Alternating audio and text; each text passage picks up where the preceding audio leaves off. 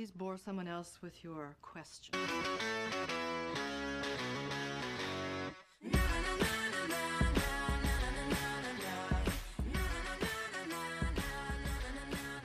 ברוכות הבאות לעונה השנייה של הפודקאסט. כן.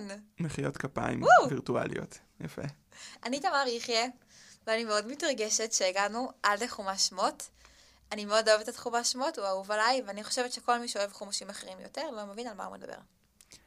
ואני עמיתי מינצר, והשבוע בשעה אחת בלילה הכנתי מצגת על הכוח אצל פוקו. סבבה. איזה באסה. ממש. אנחנו משתתפים בצערך, אמיתי. טוב, אה, ברוכות הבאות לפודקאסט שלנו. ברוכות השבות לפודקאסט שלנו. נכון. אם לא הצטרפתם עכשיו, אלא עליתם על הרכבת עוד לפני שהיינו צלבס. אבל אם הגעתם אלינו עכשיו, אנחנו נספר שאלוהים לובש את פראדה הוא שיעור פרשת השבוע שלא תשמעו באף מקום אחר. אם כן תשמעו במקום אחר, יש אנשים בינינו שמחפשים שידוך, אז כזה זה תפנו נשמע כמו אותנו. מקום שבו הם ימצאו אותו. ללא ספק. כן, אנשים, חברים, שואלים בשביל חבר. ממש. אמ, בעצם הפודקאסט הוא, אנחנו מקשרים בין פרשת השבוע ובין מושגים, תיאוריות קוויריות ופמיניסטיות, ובדרך כלל זה יוצא ממש מגניב.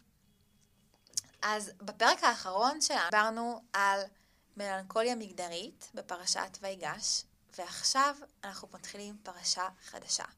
אז עזבנו את הדמויות האהובות שלנו במקום מצוין, העונה הראשונה נגמרה בסוף מאוד אופטימי. כל, כל המשפחה יורדת למצרים, שהיא כאילו הניו יורק של העת העתיקה, מלא אוכל כשכולם גוועים ברעב, יוסף הוא ה favorite של הנשיא, כלומר פרעה, קורה ביניהם משהו בדוק, אבל יש לו ילדים וזה, מאישה וזה. וזהו, יש להם מלא כסף, הם קונים, קונים נדל"ן ממש שווה, ואיחוד משפחתי מרגש, ברכות מהאבא שמת בשיבה טובה, איזה יופי. איך יודעים שסדרה היא סדרה טובה? כשהעונה השנייה לא משעממת אותנו, כלומר היא מתחילה במקום אחר לגמרי, וזה מה שקורה פה בגדול. העלילה ממשיכה 400 שנה אחרי סיום העונה הראשונה, ובני ישראל, שהיו כאילו המעמד האריסטוקרטי העשיר במצרים, האימפריה העולה, הם מעמד העבדים של האימפריה הקיימת וכזה המשגשגת שהיא מצרים. וכן, מעבר דומה מעונה לעונה ניתן לראות בעונה 3 לעונה 4 בגלי, שם ה-New Direction הופכים מהאלופים של הבית כן. ספר ללוזרים פעם נוספת. כן. למה זה קורה שם? הם, כזה זה כולל ששפכו להם ברד לפנים. הם עלובים, הם שרים ביחד שירים באקפלה. מגיע להם. דבר שאתה לא רוצה לעשות אם אתה רוצה חברים. בכל מקרה, בפרשה שלנו זה הולך בצורה אחרת, וזה הולך בצורה הבאה. ובני ישראל פרו וישרצו וירבו ויעצמו במאוד מאוד ותמלא הארץ אותם. ויקם מלך חדש על מצרים אשר לא ידע את יוסף. ויאמר אל עמו, הנה עם בני ישראל רע ועצום ממנו. הבה נתחכמה לו פן ירבה, והיה כי תקראנה מלחמה, ונוסף גם הוא על שונאינו, ונילחם בנו ועלה מן הארץ. ואומר מלך מצרים למיילדות העבריות, אשר שם האחת שפרה ושם השני תפועה. ואומר בילדיכן את העבריות, וראיתם על האובניים, אם בנו ועמיתן אותו, ואם בתו וחיה.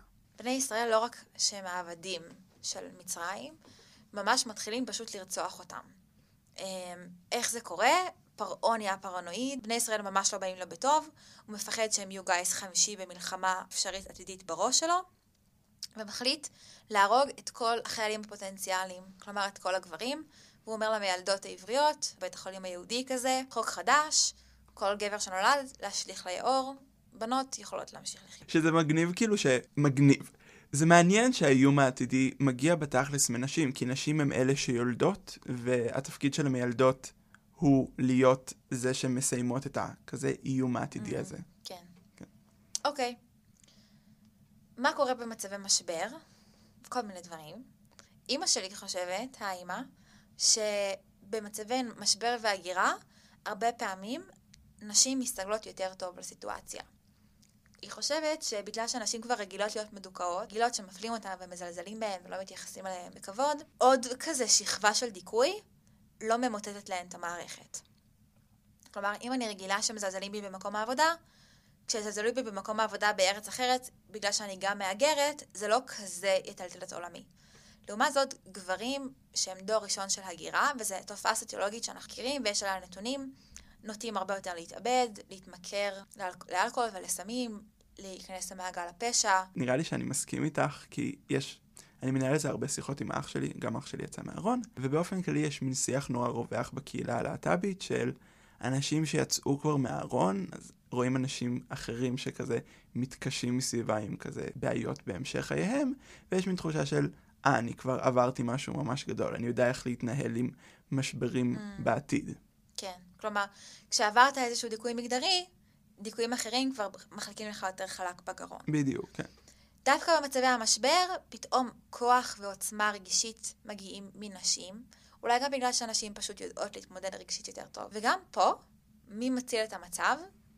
הנשים, שהן הולכות להוביל מעכשיו את התגלגלות הפרשה, ולא סתם יש מדרש שאומר שבזכות נשים צדקניות יצאו בני ישראל ממצרים, ובואו נפגוש אותן, את הנשים הצדקניות האלה. פגשנו אותן עכשיו, שם האחת שפרה ושם השנייה, שנית פועה.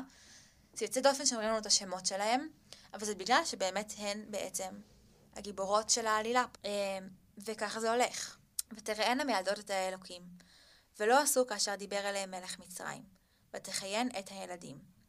ויקרא מלך מצרים למילדות, ואומר להן, מדוע עשיתן הדבר הזה? ותחיינה את הילדים. ותאמרן המילדות על פרעה, כי לא כנשים המצריות העבריות, כי חיות הנה בטרם תבוא אליהן המילדות, וילדו.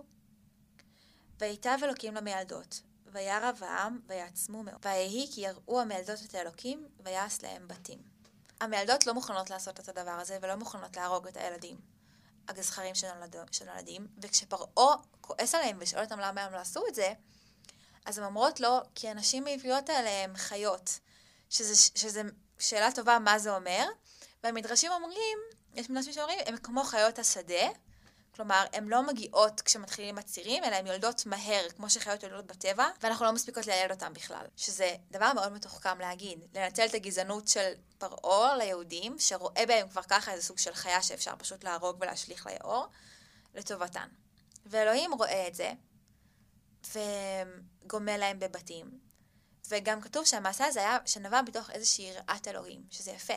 כאילו, ויראו המילדות את האלוהים, כתוב, וזה אומר, תראו את המילדות האלה במצב הכי שפל, שנותנים להם את התפקיד הכי גרוע, שהן שפחות בכאילו אימפריה מגעילה, נשאר ב, נשארה בהם איזושהי יראה של אלוהים. וזאת רק ההתחלה. בעצם גם את שאר העלילה ממשיכות להוביל נשים. כן, אנחנו בהמשך הפרשה מכירות בפעם הראשונה את משה, ומשה, הסיפור שלו מנווט כמעט אך ורק על ידי נשים. כן.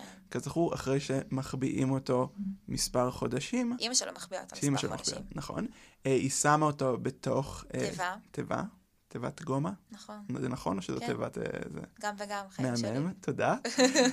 והיא שולחת אותו לדרכו בנילוס ואומרת למרים אחותו להסתכל. כשאני אומר את זה בקול רם זה נשמע לי... הזנחה פושעת. כן. לא, אבל היא מצילה את החיים שלו. נכון, היא מצילה ככה את החיים שלו, אז מי שמצילה אותו בעצם היא בת פרעה, שזו אישה נוספת שמשנה את העלילה, וכאמור ההצלה של משה, שזה ההצלה של אה, בן ספציפי, עוזרת, גורמת אחר כך אה, לגאולה וליציאה של עם ישראל ממצרים.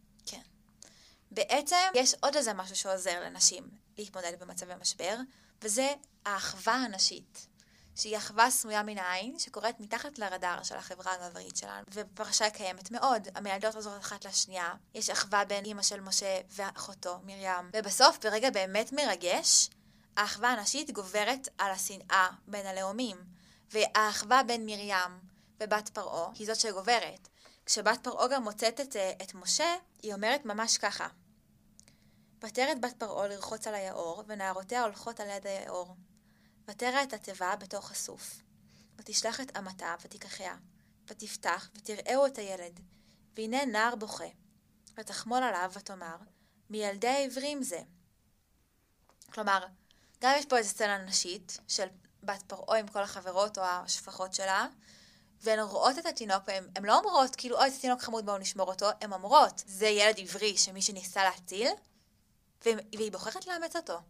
וככה מגיע ילד קטן שהיה אמור למות במעמד הכי נמוך, לגדול בחצר פרעה, שזה קו עלילה מגניב מאוד, ממש. ומאוד מאוד פמיניסטי, בלי שאני אצטרך להתאמץ בכלל למצוא את זה שם. זה מזכיר ממש את גיליגן. כאילו החלק הזה שהיא חומלת די עליו. עם גיליגן, די, די. אנחנו לא יכולים להמשיך לדבר על גיליגן כל הזמן. ובכל זאת, אתיקה של... אה, בקיצור, אתיקה החוק- של אכפתיות. בדיוק. החוקים שאבא שלה חוקק לא שוברים את העובדה שהיא חומלת על ילד ובוחרת אה, להציל אותו ברגע זה האמת. יפה, זה יפה מאוד. תודה. ולאחווה הנשית הזאת יש שם שנתנה לו אדריאן ריץ', שהייתה פעילה פמיניסטית, לסבית ותיאורטיקנית קווירית אמ, אמריקאית, והיא קראה לו הרצף הלסבי. אני אגיד שהמאמר שאדריאן ריץ' תובעת את המונח אה, הרצף או הקיום הלסבי נקרא הטרוסקסואליות כפויה והקיום הלסבי, וריץ' פותחת את המאמר בדרכים השונות בהן נכפית האפשרות ההטרוסקסואלית על אנשים. אה, בין היתר מדברת על העובדה שגברים מבצעים ויסות ושליטה על צורות רבייה של נשים, שזה קצת מעניין בהקשר של אה, פרעה. פרעה לחלוטין, אבל במקרה הזה אנחנו נזנח את ההטרוסקסואליות הכפויה ונדבר אך ורק על הקיום הלסבי. מישהי שרוצה ככה להרגיש קצת דיכאון, מוזמנת לקרוא את המאמר הזה, שמתחיל ברשימה עם איזה 18 סעיפים, כן, של כל הדרכים שבהם מדכאים נשים. וזה נעים ונחמד. ללא ספק, משהו לשאול, לקרוא לפני השנה. כן. אוקיי. והחלק המנחם הוא החלק הבא. כן. במונח רצף לסבי, אני כולל טווח, העובר בחייה של כל אישה ואישה לאורך ההיסטוריה, של התנסות המתאפיינת בהזדהות נשית. לא רק את העובדה שאישתה, שאישה התנסתה במגע מיני גניטלי עם אישה אחרת, או חשקה במודע במ- במגע כזה. אם נרחיב את, מש, את משמעות המושג, כך שיכלול צורות רבות נוספות של עוצמה ראשונית בין אנשים, כולל שיתוף בחיים פניים עשירים, הענקה של תמיכה מעשית ופוליטית וקבלתה, אם נוכל לשמוע בו גם אסוציאציות לסרבנות נישואים, נוכל להתחיל לתפוס את מרחבי ההיסטוריה והפסיכולוגיה הנשית שהיו מחוץ להישג ידינו עקב הגדרות מוגבלות קליניות, ברובן של לסביות. הזדהות נשית היא מקור של אנרגיה, מבוע פוטנציאלי של עוצמה נשית, שמוסד ההטרוסקסואליות מקפח ומדלדל אותו באלימות. הכחשת המציאות ומניעת הנראות של תשוקות של נשים לנשים ושל בחירתן של נשים בנשים כבעלות ברית, חברות לחיים וקהילה, אילוצם של יחסים שכאלה להסוות את טיבם וקריסתם תחת הלחץ הכבד, המופעל עליהם, משמעותם של כל אלה היא אובדן בעלי שוער של כוח לנשים כולן. כוח לשנות את החיים החברתיים בין המינים, לשחרר את עצמנו וזו את זו. מה אדריאן ריץ' אומרת כאן? אז חשוב לי מאוד לומר דבר ראשון, שאדריאן ריץ' אומרת שרצף לסבי זה לא רק ללסביות. אדריאן ריץ' מתייחסת לרצף הלסבי כאפשרות של נשים להסתכל על הקשר שלהם עם נשים אחרות כמקור לחיים רגשיים מלאים, לעוצמה, למרכזיות, למהות. כן. בחברה שמעמידה את הקשר בין האישה לבין הגבר, את הקשר הרומנטי, את הקשר, את הקשר המונוגמי, את הקשר ההטרוסקסואלי, אדריאן ריץ' אומרת, לא. מה שבאמת חשוב זה הקשרים בין, בין אישה אחת לשנייה, כאילו. בדיוק. בעצם מעשה לסבי, או ראיית עולם לסבית, זה להגיד, מה שחשוב לי זה הקשרים שלי עם אנשים בחיים שלי. אנחנו הכי חשובות. כן. וזה בא לפני כל השאר. ואני חושבת שהפרשה אומרת גם, שמה את זה לפני, לא רק כאילו בסולם העדיפויות, אלא גם בסולם הזמני. כאילו, בלי הקשר הזה בין המיילדות, ובין יוכבד ומרים ובת פרעה, כל הדבר, כל שאר העלילה לא יכלה לקרות, לא הייתה מתאפשרת. קשרים בין נשים מאפשרים את הקיום של כולנו. אה, כולנו כעם ישראל אלפי דורות אחר כך, וכולנו כאנשים פשוט. ולהצביע על העולם המקביל הזה, שהוא מושתק, ואנחנו לא רגילים לראות בו דבר ראשון במעלה, ולהגיד, זה הדבר הכי חשוב, זה אקט שעד היום הוא אקט מהפכני. להגיד, החברות שלי, שאיתן אני, משתף, איתן אני משתפת כל מה שעובר עליי, ועל העצה שלהן אני הכי סומכת, והן איתי בכל המצבים הכי גרועים שלי.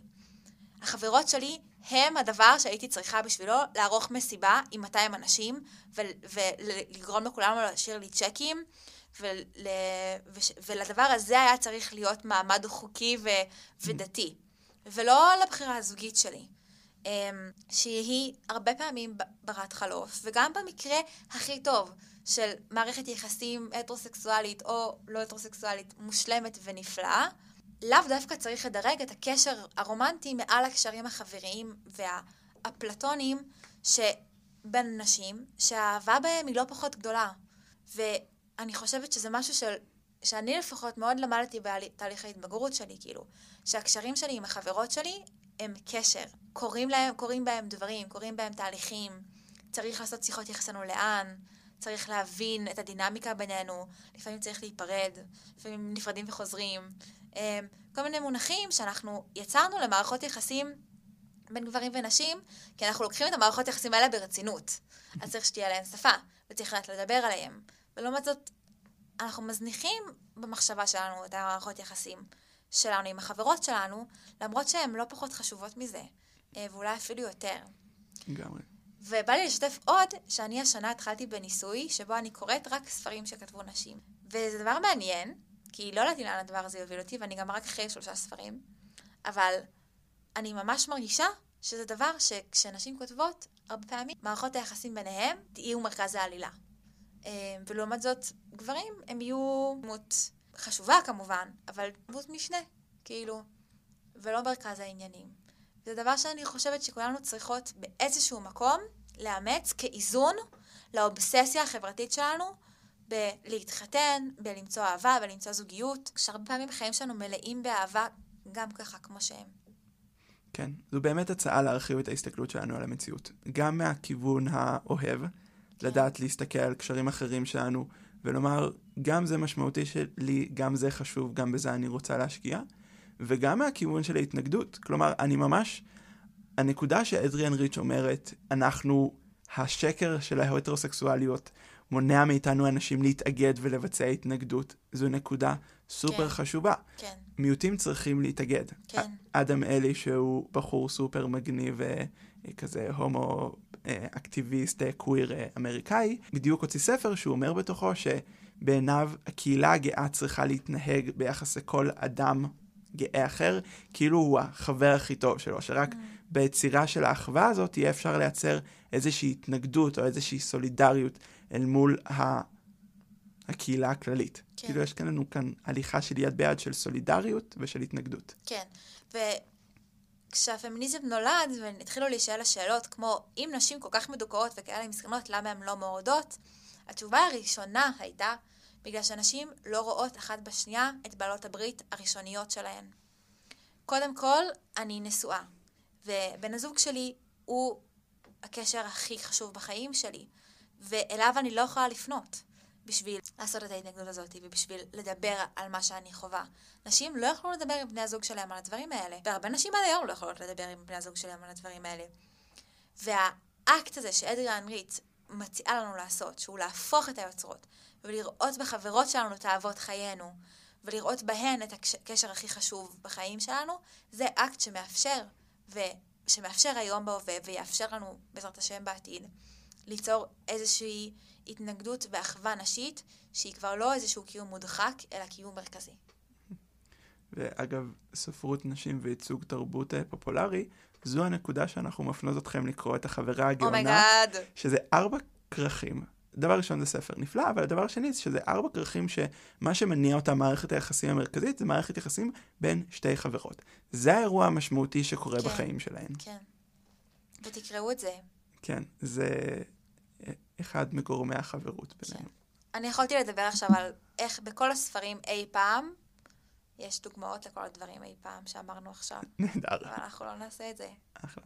תודה רבה שהייתן איתנו. כן, אנחנו ממש מתרגשות להזמין אתכם להישאר איתנו לשאר חומש שמות, שנהיה דרמה בעיניי הרבה יותר בשלה ומעניינת, ומרגישים שהסופר התבשל עם עצמו בין הספר הראשון והשני. נולד משה, אני מתה על משה, יש לי חברים אבל גם. חשוב לומר בעקבות האובססיה הקיצונית למשה רבנו, זה נכון? אם תגיד מה עם אהרון, אנחנו נפסיק להקליט ביחד. סבבה. אהרון הוא בלתי נסבל. מי אוהב שלום ורודף שלום? רק אנשים בלי חברים. רציתי לומר שאם עולות בכן מחשבות בעקבות כן. מה שאמרנו, אם אתם רוצות לשתף, אם כן. אתם אה, רוצות כזה לפנות, אתן מאוד מוזמנות, אנחנו נשמח מאוד. הפודקאסט הזה, חלק מהעניין שלו, זה לייצר שיח קהילתי ושיח של כולנו. כן. אם בא לכם להציע לנו נושאים, או אנשים לראיין, או שירים, או ספרים לקרוא, do that, ואנחנו נשתמש בזה. ונקרא ספרים שהם לא רק של קארול גיליגן.